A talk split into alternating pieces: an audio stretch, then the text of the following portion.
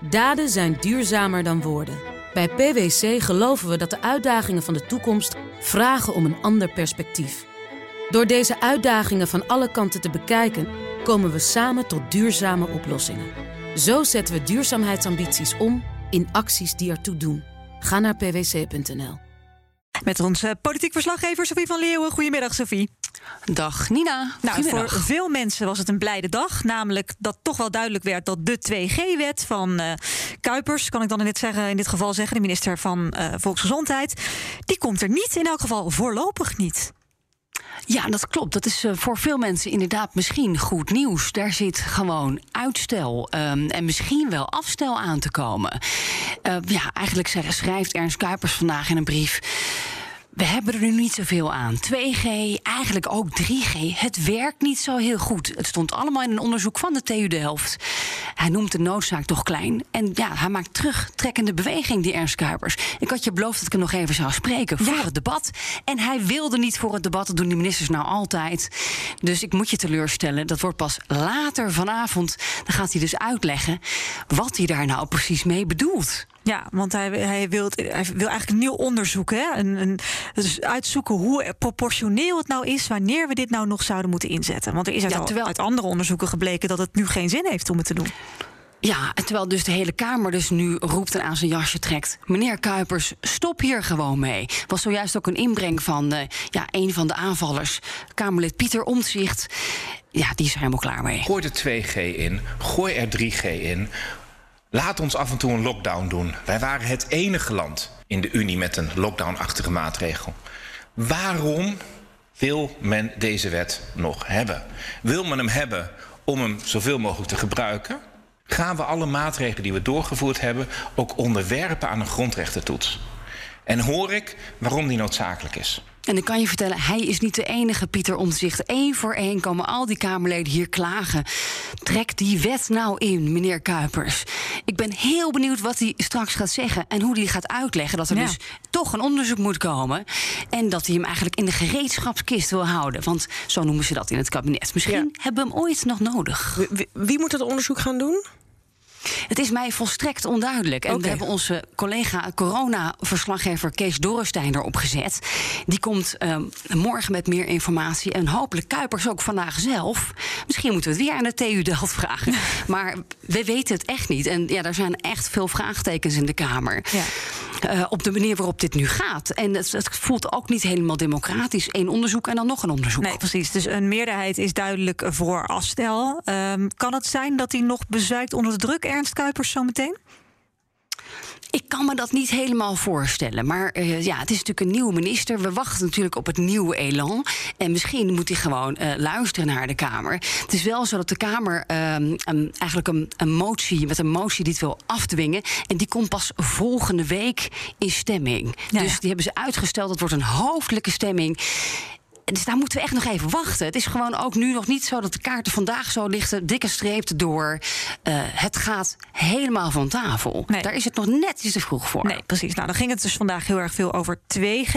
Maar er zijn een heleboel andere maatregelen. Hoe wordt daarover gepraat? Bijvoorbeeld 3G, de coronapas. Nou, die steun brokkelt nu natuurlijk ook af. Want daarvan blijkt nu ook dat het eigenlijk niet heel goed werkt. En je zit op anderhalve meter in een café. Vervolgens uh, heb je ook nog de, de corona-toegangsbewijzen ja. nodig. Werkt nog Waarom minder toch zelfs dan 2G, althans volgens dat rapport van de TU Delft? Ja, hoewel je dan misschien wel weer uh, uh, ook met een test kunt binnenkomen. Maar goed, voor een deel werkt het ook niet.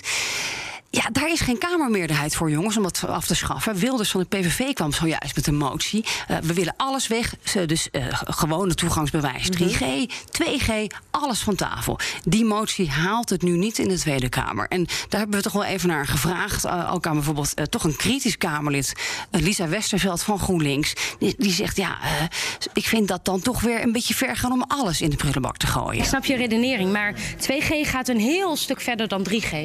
Um, 2G houdt nou precies die G van getest. En dat is een vrij veilige manier. Als je ergens naartoe gaat, ga alsjeblieft, laat je testen of doe een zelftest. Omdat je dan weet of je wel of niet besmettelijk bent en anderen kunt besmetten. Maar precies die G wordt eruit gehaald. En dat is een vrij verregaande maatregel voor mensen die om welke reden dan ook niet gevaccineerd kunnen of willen worden. Ja, bij GroenLinks willen ze testen, testen, testen. Ja, maar dat doen we nu toch niet, wil eh, Sophie? dat ook. Ja, eigenlijk is, zijn er steeds meer partijen die zeggen... we moeten gewoon naar die testsamenleving toe. Lekker zoals in Denemarken, alles opengooien. Doe gewoon een zelftest desnoods. Leg de verantwoordelijkheid bij de mensen thuis. Ja. Dat hoor je steeds vaker. En misschien is dat dan wel die langetermijnstrategie... en waar het kabinet de komende weken mee komt... ook rond die persconferentie over twee weken... is dat dan ja, eh, het gouden ei? Gaan we zo verder of, of blijven we aanmodderen met 2G, 3G? En eigenlijk heeft, heeft iedereen daar ontzettend veel ruzie over. Ja, ik- En is het ook niet onderbouwd? Ja, ik, ik blijf het lastig vinden dat bij 2G de discussie heel erg gaat over... ja, maar het is helemaal niet effectief, blijkt uit het onderzoek van de TU Delft. En dan gaan we het hebben over 3G en dan is het ineens... ja, maar daar mag je testen. Dus dan is het prima voor mensen die niet gevaccineerd zijn... terwijl dat, als je kijkt naar het onderzoek van de TU Delft... nog minder effectief is. Dus, Klopt, ik, dus ik, begrijp, denk dat- ik begrijp niet wat er gebeurt in de hoofden van onze, van onze Kamerleden eigenlijk. Ik denk dat ze het stap voor stap zijn ze het, eh, zijn, zijn ze het aan het wegsmijten. En ik denk dus, we- ze- hè, 2G, daar is dan nu en wel een, echt een, ligt ook een motie, trek de wet in. Ja, 3G, daar zijn ze eerder al mee akkoord gegaan. Ik denk eerlijk gezegd, Roos, dat, dat we binnen een hele korte tijd... dat het toch wel Ja. eigenlijk allemaal afbrokkelt. En, en dat het een opmaat is. Misschien wel naar ook van weg met Ja. dat corona-toegangsbewijs. Maar goed, dat is ook even... We zitten nu met 100, een half miljoen besmettingen vandaag. hè? Dus eh, Nou, van- oh ja, vandaag. niet Of over de week? welke situatie we nu zitten. Eh, er zijn nog wel wat zorgen in de ziekenhuizen. En Kuipers die zal waarschijnlijk straks roepen... jongens, geven we nog heel even de tijd. Ja. Het is nu nog net even te vroeg. We zitten midden in de winter. En die piek, ja, daar zitten we eigenlijk nu middenin. Of die wordt misschien nog hoger Ja. dan die nu is. Nog één heel kort vraag hierover. hoor. Dan, laat ik, dan, dan zal ik je er niet meer mee lastigvallen. Maar die tijdelijke wet corona, waar die, die 3G in geregeld is... die moet steeds verlengd worden, toch? En er moet dan over gestemd worden, elke keer met drie maanden. Zit Vandaag dat er- ook weer, ja. Dat is vandaag. En daarvan denk je dus dat ze dus vandaag allemaal wel nog gaan zeggen... hij mag nog wel drie maanden langer blijven. Dus ook die 3G... Nee, vandaag wordt die tijdelijke wet die wordt weer verlengd met één maand, van Ja? 1 februari Oké. tot 1 maart. En ik denk dat het kabinet precies die tijd gaat krijgen eh, om, ja, om zeg maar zijn huiswerk te maken en met die langetermijnstrategie te komen. Misschien gaat dan ook wel alles van tafel.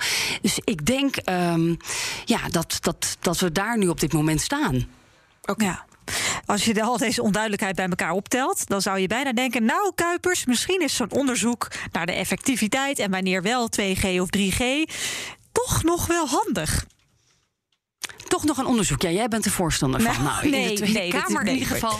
nee, ik ben- ben heel een veel irritatie. sarcastisch. Ja, precies. Ja, heel veel irritatie hierover.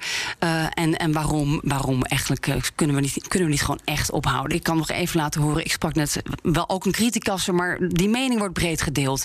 Als ik kan van denk hierover. Ik begin me een beetje te ergeren. Kijk, eh, als je onderzoek doet naar of iets een oplossing is voor een probleem. Dan kan ik me dat voorstellen. Vervolgens dan doe je een update op dat onderzoek. En als je dan niet tevreden bent met, de met de uitslag. Dan is het een beetje raar als je zegt: Ik ga nou nog eens een onderzoek doen. Weet je, het, het is hier geen Noord-Korea of zo. waarin je zelf kunt bepalen wat de uitkomst van een onderzoek is. Je hebt onderzoek gedaan, een gerenommeerde universiteit. En die heeft gezegd: Het is niet een heel goed middel. Moet je ook niet meer volhouden. Dan moet je ook gewoon transparant in zijn en zeggen: Nou, dan gebruiken we het niet. Ik sprak ook nog even de nieuwe coronawoordvoerder van D66, Paulusma. Ken je die al?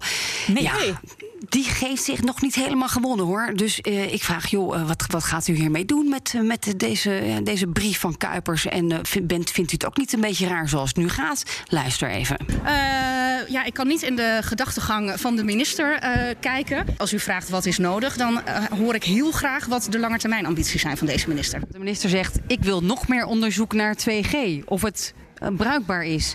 Dat is toch een beetje raar, na wat er nu al op straat ligt. Dat zou ik nou een hele goede vraag vinden aan de minister.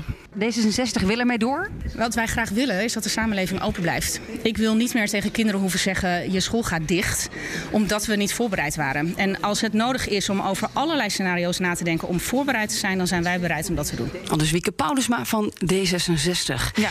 We modderen nog even door. En het debat loopt nog tot vanavond 10 uur met Kuipers. En eh, ja, dan zullen we horen. Gaat de stekker eruit? Nou, Blijft precies. Want er ligt dus ook nog een motie van de Tweede Kamer. Ehm, en die motie is. van Pieter Omtzigt en Kees van der Staaij. Uh, die zeggen gewoon, uh, en daar lijkt de meerderheid voor te komen, zullen we gewoon stoppen. Er wordt dus niet vandaag over gestemd zoals de planning was, maar volgende week hoofdelijke stemming. En de vraag is heel erg, wat gaat de PvdA daar doen?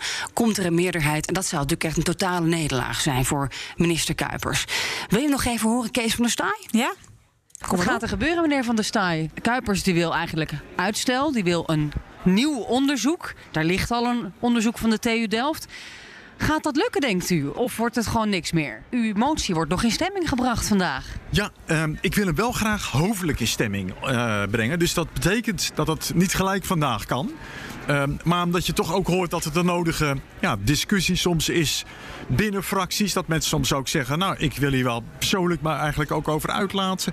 Daarom denk ik dat het, eh, nou, gelet op het gewicht van het onderwerp, wel goed is dat hier een hoofdelijke stemming over plaats. Maar niet bij de SGP, toch? Nee, wij zijn daar uh, eensluidend in. En, en ik ben bovendien natuurlijk ook al wel tevreden dat uh, ongetwijfeld onder druk van deze motie, dat er wel eens een meerderheid voor zich zou kunnen aftekenen. De regering eigenlijk al in de benen is gekomen en heeft gezegd, nou, we gaan het in ieder geval aanhouden. Dus uh, dat betreft is de eerste winst al binnen. Maar wat u betreft, intrekken en wegwezen?